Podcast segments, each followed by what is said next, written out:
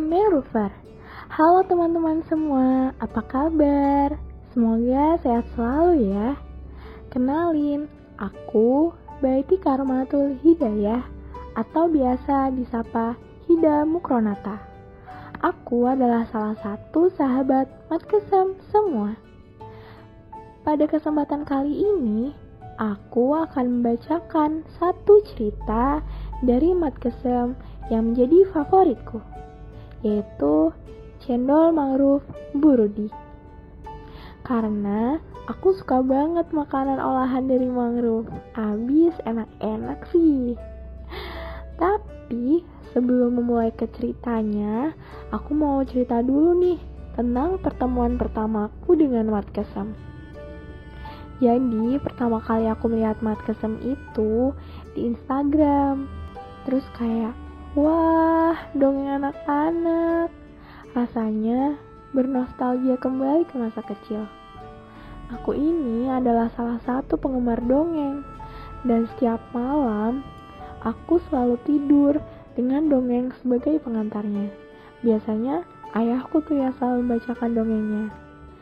Tapi, zaman sekarang kan sudah mulai berubah ke era digital aku nggak tahu nih masih banyak gak sih penggemar dongeng? Kalau teman-teman sendiri gimana? Adakah yang suka dengerin dongeng sebelum tidur juga kayak aku? Kalau iya mat kesem ini aku rekomendasiin banget. Karena ceritanya selain mengandung pesan moral yang dapat dicontoh anak-anak dalam kehidupan sehari-hari juga ada edukasi tentang kepedulian lingkungan khususnya mangrove. Pasti bangga dong punya anak atau adik yang perilakunya baik, berwawasan, dan peduli dengan sekitarnya. Eh, eh, eh, kok aku malah keenakan bernostalgia ya? maaf, maaf. Yaudah, yuk langsung aja kita dengerin dongengnya.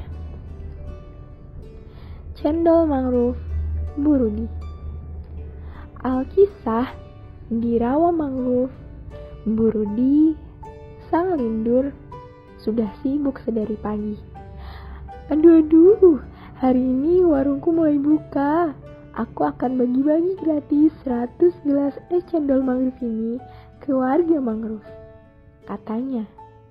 Dan ratusan warga kerajaan mangrove pun mulai antri. Nah, Ipik, tolong antarkan cendol ini ke ibu kodok ya. Kasihan dia, sedang sakit.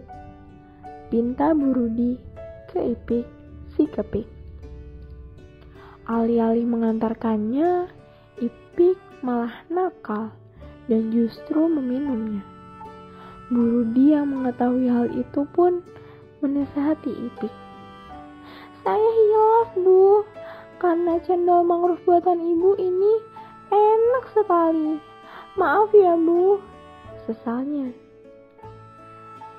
Buat teman-teman mengecil semua, pesan moral yang dapat kita ambil dari dongeng ini, kita tidak boleh mengambil hak orang lain ya. Kenapa?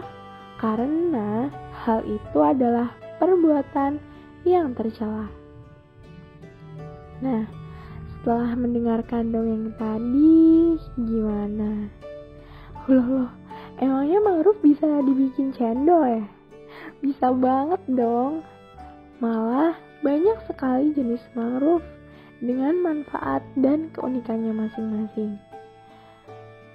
Pada cerita ini mengangkat tentang lindur dari jenis mangrove Bruguera gibnoriza.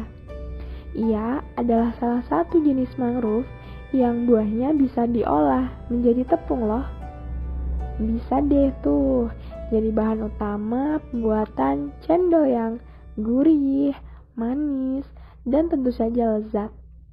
Hmm, bisa juga dibuat kue, cemilan, bahkan karamel.